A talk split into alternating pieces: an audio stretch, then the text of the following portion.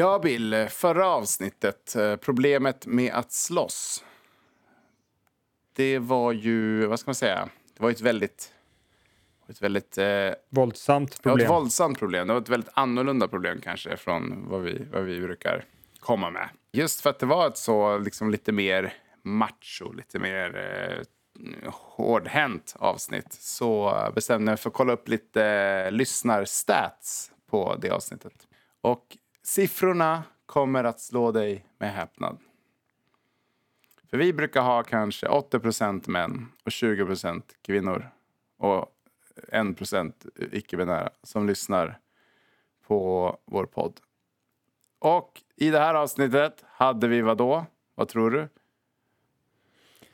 59 procent kvinnor. Ja, du är på rätt spår. 40% kvinnor. Oj, oj, oj. Vi måste bli lite mer maskulina i vår eh, approach då alltså. Så att vi attraherar Ju kvinnor. mer våldsamma och eh, liksom giftigt maskulina vi är, ju mer kvinnor verkar vi, vi attrahera. Ja, men det ligger något i det. Ja, Jag, jag, tänker inte lägga, alltså jag tänker inte uttala mig om de här siffrorna. För det, det kommer bara sluta med problem. Men så här är det. Siffrorna ljuger i alla fall inte. Fler kvinnor har lyssnat på vårt eh, slagsmålsavsnitt. Ja, det kan ju bero på lite olika anledningar. Och en anledning kanske vi kommer att snudda sen när vi kommer in på vårt stora problem som kommer eh, handla om någonting som kanske är relaterat till detta och kanske varför våld är intressant överhuvudtaget. Just det. Men det är en siffra jag inte har nämnt än. En extremt viktig siffra. För att Ja, när du okej. tänker kvinnor har lyssnat på, problem, problem, på, på Problempodden. Då tänker du, vadå, du tänker kanske ja, folk mellan 25 och 45 eller något sånt där. Jaha, men det är 12, eller vadå? Inga 12-åriga, inga 12-åriga flickor har Nej. lyssnat på vårt slagsmålsavsnitt. Jävla tur det. Nej, För de ska inte hålla på med våld. Människor över 60 är gravt överrepresenterade i senaste avsnittet. Och vad det betyder, det kan jag inte ens förstå. Men det är fler kvinnor och en extremt stor eh, majoritet faktiskt av människor över 60 som har lyssnat på... Ja, men Tobias, jag kan tolka det här, för jag, jag kan ju det här med statistik. Mm. Vad det betyder är två saker. Mm. Det ena är att eh, det är jobbigt i dagens samhälle att vara pensionär. Man är orolig. Är, man är orolig det. att man ska åka dit. Man, måste, man, man kollar efter sig hela tiden. Är det någon jävel där som står bakom hörnet och ska råna en och sån här skit? Just det. Liksom man, man känner, man, och därför börjar man också som gammal pensionär så börjar man också kolla efter mycket tips. Här. Hur, hur kan jag bli bättre på att försvara mig och sådär när det kommer en tjomme? Vad ska jag göra? Ska jag sparka i skrevet eller ska jag trycka in fingrarna i ögat på? Just det. Krav Maga. Ja, eller ska jag skaffa mig en egen shotgun jag går omkring med på dagarna och kommer någon så jag, vill bara skjuta, skjuta skiten av dem. Det är många äldre i USA som gör det. Det, det är dagens samhälle och det är, det är tragiskt. Mm. Så kan det vara. Eller så kan det bara vara så här att den jävla statistiken du har med att göra, det är bara skit. Det, det, det, det stämmer inte alls. Det är någon konstig grej med den här data. Eller Men alltså det här med att siffrorna inte skulle stämma, det, alltså, det kan man ju ha som argument mot vem som helst. Alltså, det, det är alltid det man slänger ur sig om man, om man inte... nej, det är alltid det man slänger ut sig om det inte går i linje med ens egna konspirationsteori. Ja, men det var exakt det jag skulle säga. Jag sa det åt dig. Varsågod. Tack. Så spara energi. Ja, fju, fju.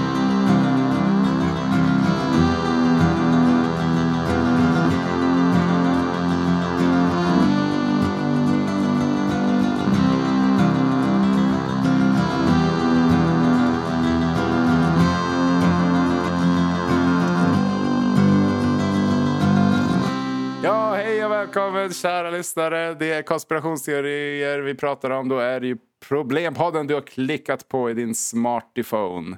Och själv heter jag Tobias. Jag tror inte på några konspirationsteorier utan jag tror att allting har hänt precis som det står i Nationalencyklopedin. Och mitt emot mig här har jag. Bill. Och eh, det var faktiskt eh, jag som kom på den här eh, konspirationsteorin om Flat Earth. Mm. Ja, jag kan liksom inte köpa det att jorden skulle vara rund. Det verkar så otroligt konstigt. Mm. Jag menar när jag går, det är inte så. Skulle jorden vara rund, då skulle jag väl slå i näsan hela jävla tiden för det är en backe liksom. Ja. Det skulle ju typ bara vara backar neråt hela tiden, man bara och backar uppåt. Men det är ju, jag kan ju se det själv, det är raka ytor. Det är sant. Det är rakt. Jag menar, Mm. ögonen ljuger inte. Exakt. Ja, när har den ljugit? Ja, okej. Den gången när frugan såg att jag hade satt och... Ja, nej, då ljög ju ögonen för henne. Ja, och hjärnan är ju känd för att uh, återge en perfekt eh, bild av verkligheten. Jag kan, jag kan bara introducera mig på ett nytt sätt. Att jag ska ha en ny dialekt som jag har gått in för. Jag ska ha Stockholmsdialekt. Oj. Hallå? Ja, men det är så här va, att vi har, nu kör vi Stockholmsdialekt och det här är då en nya bild. Jag kommer låta så här. Jätteroligt att höra på mig. Ni kommer njuta allihopa. Alla kommer njuta. Jag låter så otroligt rolig och bra. Jo, det här är min nya röst ska du veta. Jag, jag vill inte finnas längre. Hörru du killen, förklara dig. Vad är det för fel Det med min låter dialekt som nu? personifieringen av mansplaining. Det låter som att mansplaining fick en människokropp och går omkring ibland oss. Så låter det. Hörru du, du. Det där är inte okej att säga sådär. Jag tycker att du får definitivt sluta säga sådär, för annars... Jag, jag, kan gissa, jag kan gissa vad lyssnarsiffrorna kommer vara i nästa avsnitt. Jag tror att folk kommer börja lyssna, kanske standardsiffror. Och, och sen eh, ungefär efter, ja, låt oss säga sju minuter kommer det bara swoop! Ingen lyssnar längre. Noll procent kvar. Du har verkligen förstört mig nu Tobias, för jag kände verkligen att jag var en stockholmare. Jag kände mig som en stockholmare. Och, och du bara hånar mig så att jag inte vågar vara den människa jag verkligen är. Exakt. Du ska inte vara den du är. Alltid vara som alla andra. Så, så, så ful utan spackel. Ja, personligt problem, baby. Mhm, Okej, ja men då får du läsa upp det. Ja, Okej, då- okej, jag läser upp. Ja, varsågod. Dagens Nej, kan, problem. ja, det- ja. Dagens problem. Ja, ja.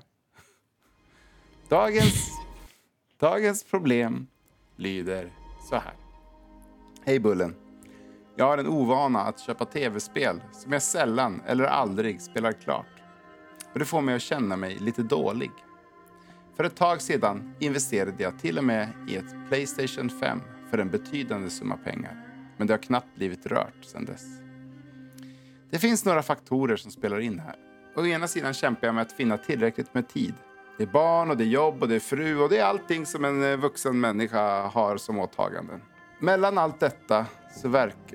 Mellan alla dessa ansvar tycks min egen tid vara en bristfara. Å andra sidan har jag lagt märke till att jag sällan köper nya spel av rädsla att det bara kommer läggas i samlingen utan att spelas. Det som lockar mig till att spela är minnet av den glädje jag en gång hade med ett spel när jag var yngre.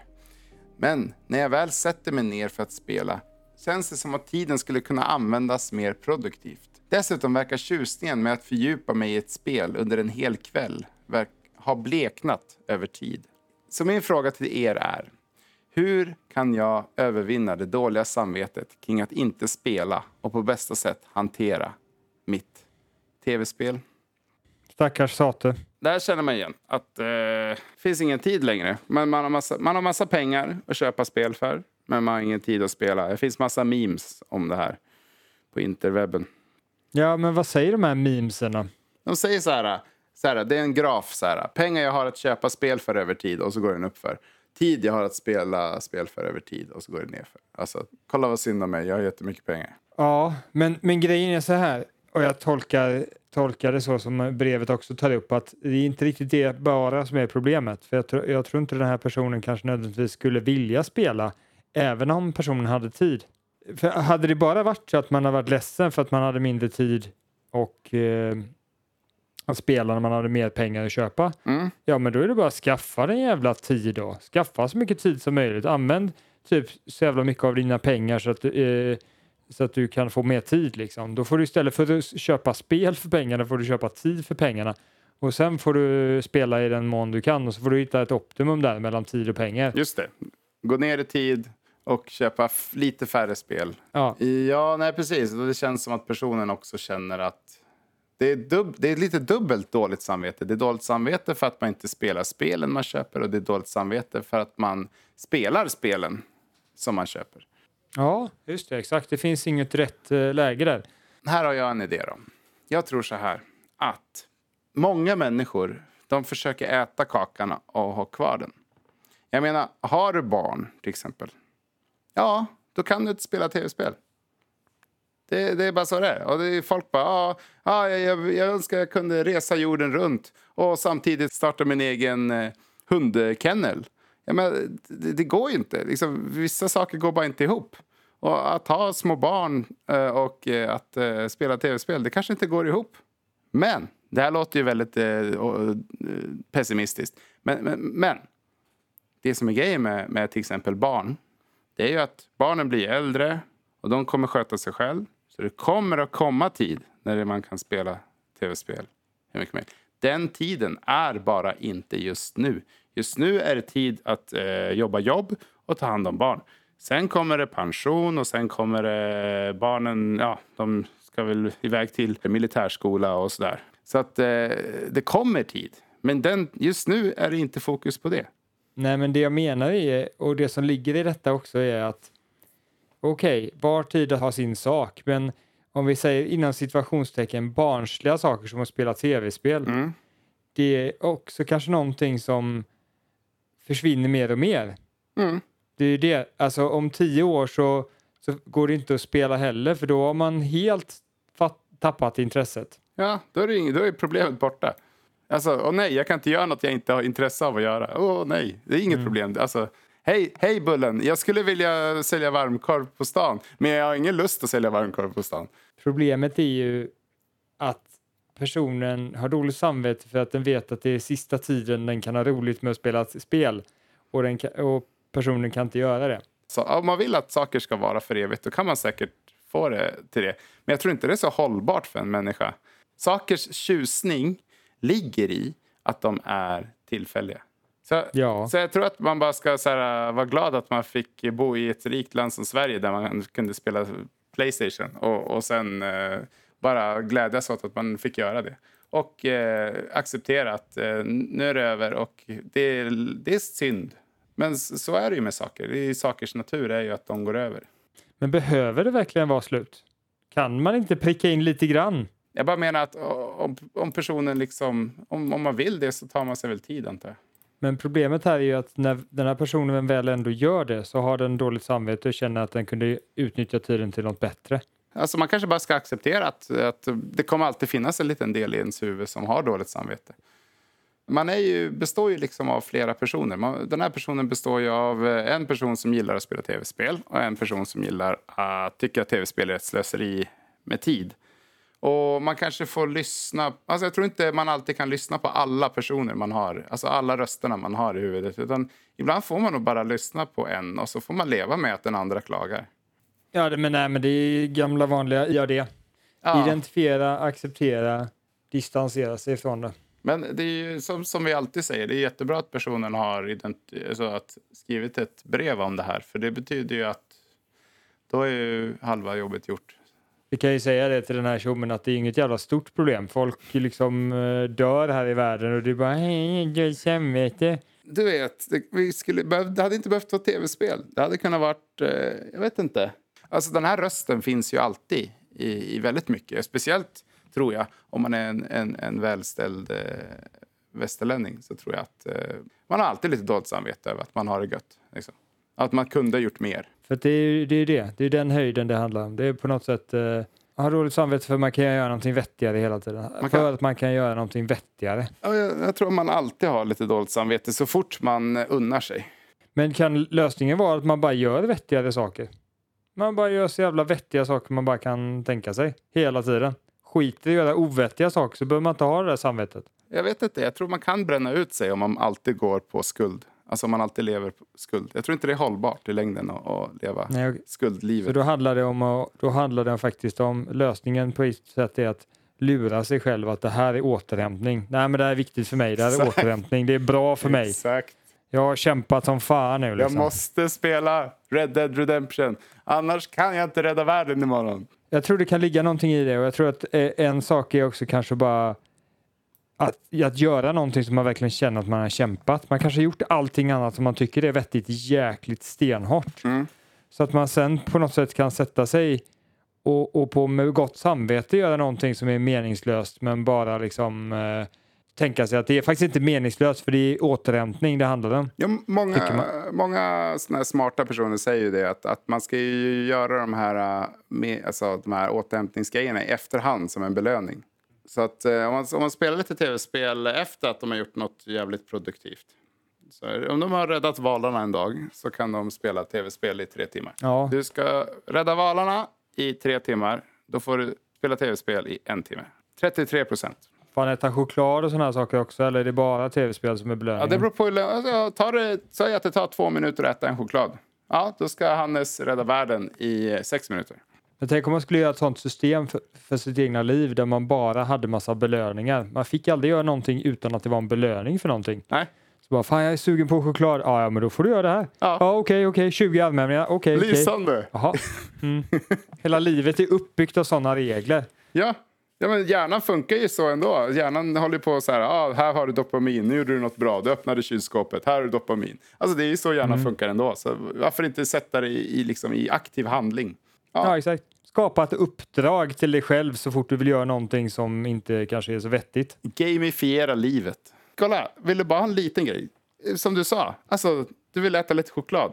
Ja, då gör du armhävningar tills du inte orkar armhävningar. Och sen får du äta choklad. Mm. Alltså, alltså ärligt talat, jag tycker det här är ett ganska bra, en bra idé. Man får bygga någon slags matris bara så man kan kolla så här, kod eller någonting. Eller man kanske bygger in i sin telefon så man kan säga så här. Hej Siri, vad, vad måste jag betala för att äta, för att äta en chokladbit nu? Hej, eh, du får göra 77 armhävningar. Okej, ja, okej, 77 och så gör man det. Exakt. Så man har allt det inbyggt och så ska den ha en automatisk ökning också. Så är det 77 ena veckan så är det 79 nästa vecka och sen eh, går det upp liksom. Så det är alltid mer och mer hela tiden. Mer och mer belöning eller mer och mer jobb? Mer och mer jobb självklart och mindre belöning. Men det låter lite deppigt. Alltså, så, när man är så här 79 så bara... Ja, nu har jag ju trots allt samlat in namnunderskrifter i ett halvår. Nu får jag tre rutor choklad och suga på. Oh, Man ska inte vara sugen på livet när livet är på väg att ta slut. det har du helt rätt i. ja, ja, det är fan, det, det var bättre förr så det är lika bra, jag sticker nu. ska bli ganska skönt att vila faktiskt. 250 miljoner armhävningar för en liten chokladbit. Nej, jag orkar inte med den här skiten längre. Jag sticker. Då får man äntligen det, det ultimata belöningen och det är att man får sova tills eh, ja, resten av all tid. Ja, vad fint. Mm. Känner du att vi kom fram till någonting till slut?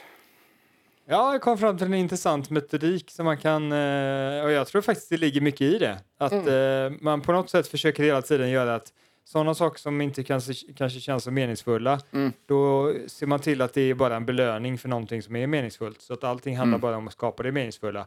För då behöver du inte ens tänka på att, att, att eh, spelandet är en eh, återhämtning. Du kan bara säga att det här är en belöning och det är en del i min gamification för att uppnå mina större mål som är meningsfulla.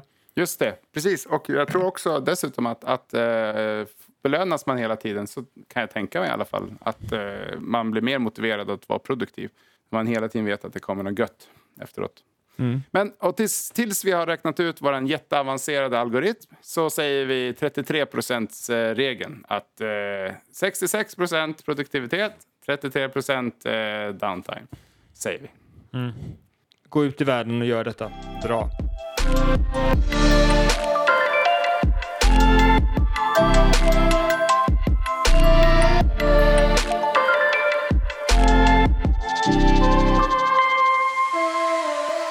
Alltså, det var någon som sa så här att det enda man ska tänka hela tiden Mm.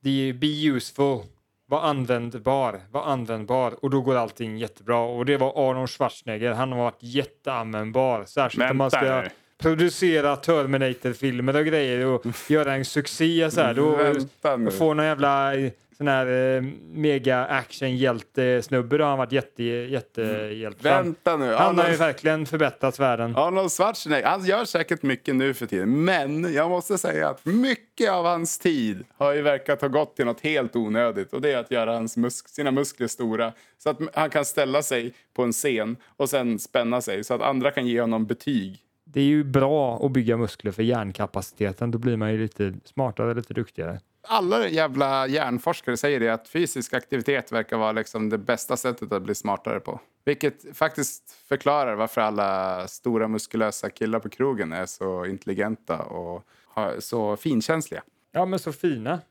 Ja, fina att se på, garanterat. Men i alla fall, ska vi då ta oss vidare till det stora problemet? Ja, det ska vi verkligen. Okej. Det ser jag fram emot. Och detta problemet det presenteras genom att man hör en massa smärtsam, massa ah, oh, ah, oh, ah, oh, ah, och så hör man om sån här Mortal Kombat-grej bara någon som blir mördad Mm. på något hemskt Är det sätt. fixat? Ja, och sen så blir det så här, och dagens problem är smärta. Ouch! Smärta alltså. Smärta är när det är ont i kroppen, Ah, djupt. bland annat. Du tänker liksom som om man eh, daskar i låret för att man har hört ett roligt skämt och bara ta fan. Och så gör det ont i låret. Men det gör nästan lite skönt ont. Då skulle jag bara vilja göra en skillnad mellan smärta och lidande. Ah, just det. För att smisk till exempel, det är ju inte lidande. Nej, Ibland Ja. är det. Men, men eh, till dess, vad ska man säga, bland vuxna som, eh, BDSM. ja, BDSM, då är det ju inte lidande. Nej, exakt. Då är det ju njutning. Och det intressanta är va- varför är det njutning då? Alltså det skickar ju en signal till hjärnan att här är det inget bra. Men på något sätt har ju våra smarta hjärnor kommit fram till att fast det är lite bra. Ja, men som att gå till gymmet till exempel. Kroppen bara, men det här är inget bra. Men hjärnan bara, jo men det är bra. För gym är ju extrem smärta i vissa fall. När man lyfter något väldigt tungt och så. Det är ju väldigt, hade man fått den känslan man får på gym någon annanstans så hade man ju verkligen trott att varit jätterädd och trodde att man skulle, nästan skulle dö kanske eller så här, eller armen ska gå av eller så. Ja. Om det bara hade kommit liksom en, en känsla som man får i armen när man eh, gör axellyftningar och så bara helt plötsligt bara man sitter och gör ingenting. Då hade man blivit livrädd. Vad är det som händer? Ja, träningsverk. Alltså tänk dig att du bara får träningsverk och du har inte gymmat. Nej. Du har inte rört dig någonting och helt plötsligt får du jätteont i magen. Och, och ä- även då eh, sexuell smisk där kan ju Mm. också am- vara lite s- samma sak då. Eh, Just det. ja, exakt, det är bara för att man ger ett godkännande till det som det är okej på något sätt. Man gör det med vilje, det är en anledning till att det är mer okej. Men inte bara. Man kan, man kan ha lite olika teorier varför det är okej. Den ena är också att man varför, va- eller varför man, varför man gör det frivilligt. Mm. Det ena är ju att för att man vet, man vill kanske känna, det är skönt att känna skillnaden. När man gymmar, Ah. när man lyfter något tungt och när man är klar. Eller då är, är väldigt mer, ännu mer extremt i BDSM att du känner liksom det väldigt behagliga med det väldigt obehagliga. Och då blir Ja. det, differensen blir så stor. Ja, men exakt. Att, att till exempel när man isvaksbadar och man hoppar i och det är jättekallt, jättekallt och så kommer man upp och så, bara, så får man känna hur det är när det inte är jättekallt, jättekallt. liksom. Mm. Det kan också vara att sluta tänka på annat. Man kommer bort Ah. ifrån där man är. Man kommer mer i nuet. Just det. Eh, smärta kan ju göra att du känner, du, det är svårt att känna, tänka på något annat när du känner smärta på gymmet eller när du känner smärta någon annanstans. Du är verkligen här och nu. Och det kan ju folk tycka är skönt. Och slippa alla de jobbiga tankarna som folk har i sina huvuden. Det är en bra distraktion, ja. Det, det är väldigt Mm. sant. Och jag tänker också så här att det är ett sätt att uppleva fara utan att, du vet, utan att vara i fara. Lite som att se en skräckfilm. Fast eh, där är det istället rädsla som är liksom simulerad. Och då, då kanske vi kommer in på det, and, andra sortens eh, frivillig smärta. För det är Mm. det man vill utforska. Varför, vad är dåligt med smärta? Men då går vi först och utforskar vad, vad, när vill folk ha smärta Mm. själva? Och då kanske man den smärtan kanske man ska ta bort, utan man ska ta bort den som man inte själv vill ha, som folk in, försöker undvika. Lidande. Och då, då kan man ju säga det att varför då? Jo, för att det vi verkligen vill få bort det är det lidande och lidande är smärta som du inte väljer själv. Det är definitionen av lidande, tänker du? Ja, kanske. Mm. För, för nu måste vi också... Vi, vi har olika vägar vi måste ta nu. Du pratade precis om att man... Du pratade om att man ville simulera att man var i fara för att liksom känna skillnaden där också. Mm. Precis som jag sa.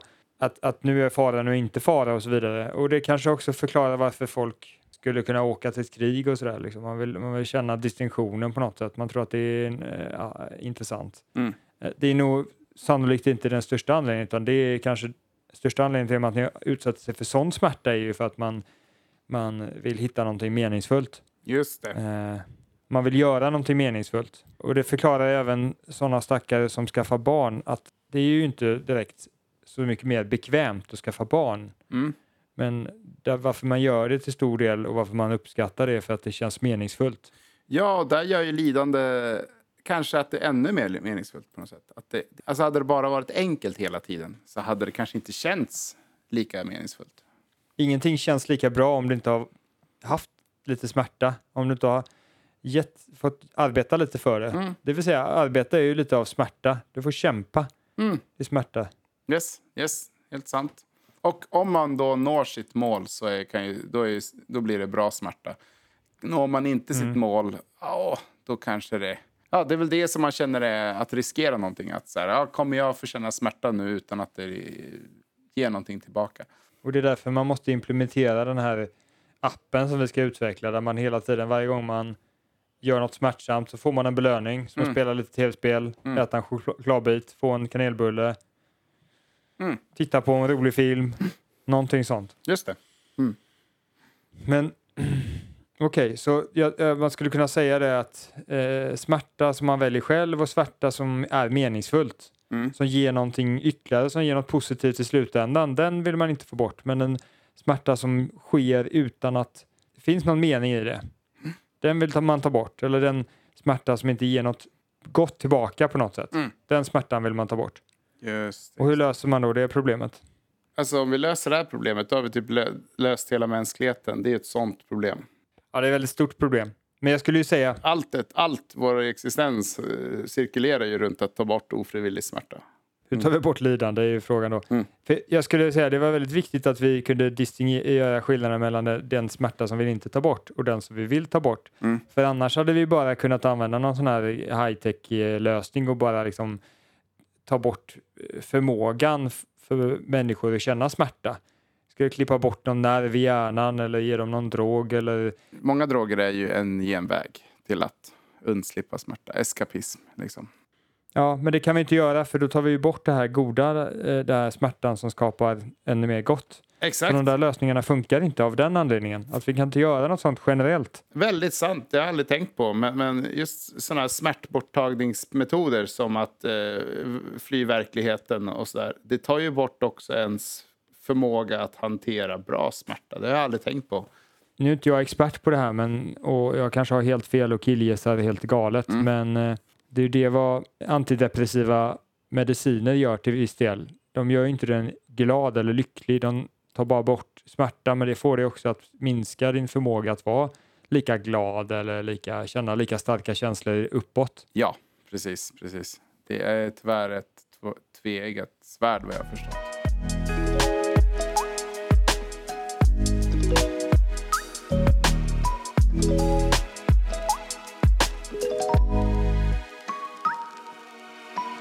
Så det funkar inte med de här enkla lösningarna som folk försöker med hela tiden. Det, för, det funkar inte att, att läsa fantasyböcker hela dagarna eller ta heroin. Det funkar inte. Vad, vad, vad ska man göra då i så fall? Man ska hitta sweet spoten, man ska hitta den nivå av lidande som är bra. Det är lite som vi pratade om i det personliga problemet. Om att, att eh, man får eh, lite smärta och sen lite godis. Nej, men man får acceptera smärta. Men tyvärr så måste vi väl vara lite tråkiga och säga att i dagens, i, idag Mm. i mänskligheten så tror jag att man skulle kunna säga att det finns tyvärr alldeles för mycket smärta. Så att vi kan ta bort väldigt mycket smärta. Men vi kanske ska ta bort smärtan där det verkligen är värst smärta. Vi kanske ska inte fokusera så jättemycket på att ta bort smärtan du känner när du måste ställa dig upp och gå fram till tvn för att stänga av den för Mm. att det är liksom så här jobbigt. Nej, Eh, du, det, att alla ska ha en fjärrkontroll. Nej, den smärtan den kanske inte är så farlig. Vi ska fokusera på den smärta som verkligen är farlig, den som är ofrivillig och den som är hemskast. Liksom. Vi ska hjälpa människor som behöver det mest. vi behöver inte fixa smärtan för människor som känner att eh, min kollega han mikrar fisk i lunchrummet. Liksom. Den personen behöver vi liksom inte fokusera på utan vi måste fokusera på att eh, min, min pappa blev sprängd i kriget. Så vi ska fokusera där det absolut viktigast. Så får vi bort smärtan. Och vilket otroligt fundamentalt eh, enastående, inte sparka in laggårdsdörren lösning vi har. vi ska fokusera där det är viktigt, där det är störst smärta, inte där det inte är så stor, stor smärta. Men då kan man ju säga så här, alla jävla tjommar som, som håller på att jobba på de här teknikbolagen på att utveckla någon tv, tv-kontroll som verkar jättefnissig och sådär. Ja. Sluta med det. Skit i det. Gå och gör någon jäkla uppfinning som hjälper eh, folk som inte har vatten att få vatten eller lös de stora problemen. Inte hålla på med någon jäkla skitgrej som inte spelar någon roll. Jo, Ta ditt ansvar. Men lyssna, så här är det. Så här är det. Det finns något som heter pengar. Och att sälja, ah, sälja, ja, sälja något som är handkontroller för, för lata människor eh, med tv-apparater. Eh, det ger dig som uppfinner det här mycket mer pengar och mitigerar din smärta. Att, att hålla på och hjälpa folk som deras, vars pappor har sprängts, eh, inte så mycket pengar i det. Och, och då mitigerar inte ens egen smärta, alltså ens lidande. Sorry, lidande, ens lidande. Och då är lösningen Robin Hood. Man tar alla pengar från de rika mm. och slänger till de fattiga. Yep. Problemet med det, vet du vad problemet med det är? Nej, inget. Om man tar alla pengarna från de rika och ger till de fattiga, då har ju de, då är de fattiga rika. Ja, ja, men vad fan, kommunism då? Bara, alla får exakt ja. 30 000 var. Ja, då är det lika mycket pengar att hjälpa eh, vem som helst men, att eh, undgå eh, hemska saker. Men det här är ju också en poäng. Det med, om vi tar det här med kommunism och alla har lika mycket då. Det är ju det att problemet också med smärta är att det är en fråga om perspektiv. Vissa tycker till exempel att det är jättejobbigt att gå bakom en, eh, en mamma med barnvagn som går långsamt på trottoaren. Det tycker vissa är jättejobbigt. Medan andra kanske inte tycker det är så jobbigt för att de vet att det finns så mycket värre saker i livet. Vilket också gör att det blir struligt när liksom, vi har pengar inblandat och sen har vi liksom perspektiv och så ska man liksom ha politik runt det här. Så här, hur mitigerar vi lidande i samhället? Ja, de här tycker det här. Vi måste, liksom, vi måste döda alla kossorna. Och de här tycker att vi måste döda alla träden. Och så, så blir det förvirrat. Exakt. Det är väldigt svårt att bara veta hur vi gör för att minska lidandet. För att eh, ett, en aktion som minskar lidandet för någon kanske ökar lidandet för någon annan och så vidare. Och då, då, då tänker man ju alltid så här, men vi skulle haft en opartisk röst som liksom, du vet, kan mäta det här. Och då, då, då, då, då, då går ju direkt mina tankar till AI. Liksom en, en robotlord som bara kan ja, mäta allt lidande och bara, äh, men vi gör så här. Problemet mm. är att ingen kommer att rösta in den här robotlorden. För de, vill ju, de som har pengar, de som har makt, de vill ju fortsätta ha det. Okej. Okay. Jag antar att det kommer krävas en del pengar och resurser för att få en robotlord att ta över hela världen. Men de som har alla pengarna och resurserna vill nog inte att en robotlord eh, mäter all smärta och, och skapar politik utefter det. Jag pratar inte mm. om någon stor konspiration här, utan bara att folk med pengar vill bara behålla sina pengar. Det är allt jag säger. Mm. AI håller ju eventuellt på att ta över världen. Mm. Och det kommer att hända oavsett vi gör något eller inte. Eh, frågan är bara om vi lyckas ge AI rätt värderingar. Om AI kommer att lyckas mäta lidande på rätt sätt för att kunna minimera den. Vi måste ge den eh, de tankarna redan nu. Du vet, pumpa in i ChatGPT så här att eh, fan, lidande alltså. Fan, det suger. Och speciellt mm. sånt här eh, riktigt hemskt lidande som, som många människor i krigsdrabbade länder är med om. Och, och, vi, vi, måste ge den den korrekta algoritmen ja. för, att, för vad lidande är Vet. och hur lidande ökar och hur den ska kunna mäta lidande. Om den får den korrekta algoritmen för det, mm. ja då kommer vi på bästa sätt att minska lidandet. Jag, jag tänker så här, att chatt, alltså alla AIs borde få gå i mellanstadiet på en svensk grundskola på 90-talet. Vet du varför? Nej. För vet du vad man fick lära sig i mellanstadiet när, på 90-talet?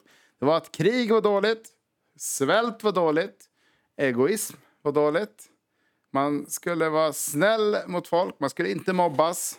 Det man fick lära sig i mellanstadiet på 90-talet, det var ju nästan utopiskt.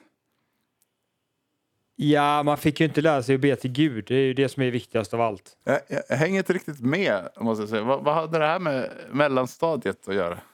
Det har väldigt mycket med det att göra. Det är, bara en liknelse av att det finns olika människor med olika värderingar. Så det betyder Ja. bara att du tyckte att det var väldigt bra värderingar. Ja. Och då får du väl argumentera för det. Ja. Och så får du säga det till AI, att den ska ha de värderingarna. Men- men... du kanske har fel. Det kanske är vissa saker som är skit i de värderingarna. Det kanske är så att eh, på mellanstadiet på dig, då, fick man, då var det visst lidande som man alltid tog bort så att du aldrig lärde dig att gå och gymma och känna den uh, göttiga grejen. För de sa att nej, spring inte, sitt där och ät dig tjock. Det är bra för dig. Du kanske inte har hela bilden. Det kanske är någonting du inte ens tänker på som var jättedåligt. Hur kan du vara säker om du, om du tar de värderingarna som användes där Mm. på mellanstadiet och sprider dem i hela världen överallt på alla platser. Mm. Är du verkligen helt säker på att det inte kommer hända någon skit där då liksom? Alltså, du tänker att den stoppar krig och svält. Mm. Det händer säkert massa saker. Men vi har stoppat krig och svält. Du tänker att det, att det skulle komma något värre än krig och svält? Ja, typ att den utrotar hela mänskligheten för det är ett jävligt bra eh, sätt att utrota svält och krig med. Det är att utrota alla människor för då kan man inte ha sånt där. Så utrotar man andra djur som också kanske har lite Ja. krig och, och så utrotar man de djur som svälter ofta och så vidare. Och så kanske man förintar hela universum. För det är ju jättebra för då är det ju svårt att ha lidande om det inte det- finns något medvetande. Det finns ju så här Asimov-lagar. Du vet. Ett, eh, man får aldrig döda människor. Två, man måste alltid sätta en människas liv framför sitt eget. Och eh, tre, eh, regel nummer ett får aldrig gå emot regel nummer två. Eller något sånt där. Och Tobias, om du tror att det är tillräckligt så är det bara att addera dem till det här dagisen och sen om du känner dig supersäker på att nu kommer allting gå Ja. svinbra. Ja. Du hade ju li- lite fel i förra gången att det kunde ju klicka in en liten grej att eh, AI dödar hela mänskligheten bara för att du var så jävla Eh, säker på att dina lågstadieregler var de bästa. Och så nu bara, ja, ja, nej, mitt fel, okej, jag är ett litet misstag här. Jag, eh, jag får ett andra försök för det är inte på riktigt, så nu får Asimov-reglerna här. Det är du som säger att det här kommer hända vare sig vi vill eller inte. Jag försöker bara göra mitt bästa här som professionell problemlösare att komma med en lösning. Jag menar, vi måste göra någonting i alla fall. Och då säger jag, in med eh, idealismen som fanns i, i det man lärde sig o- o- om liksom världen i, i mellanstad, 90-talets mellanstadie. Det är det jag säger. Okej, och jag säger så här, jag tar ett steg tillbaka och säger jag har försökt att i- hitta den bästa moralen för den här AI att anamma. För det är en av räddningarna vi har för att eh, inte undgå liksom eh, förintelse, eller så kanske förintelse är det bästa, men vi vet inte. Men försök att hitta det. Och jag tror inte att det är så enkelt att bara gå till lågstadiet på 90-talet och säga det är det här vi kör, vi bara suger in det här i AI så blir det bra. Jag tror att det är lite mer komplext. Jag tror att vi behöver forska på det här. Jag tror att vi behöver lägga resurser på det här. Jag tror att folk behöver tänka på det här. Jag tror, och det är det som sker idag. Det är det som kallas AI alignment, att man arbetar och forskar en del på att försöka få AI att hitta de rä- rätta värderingarna så att eh, det går bra när den väl blir eh, Ja. mega stark och bäst i världen. Men det här finns redan.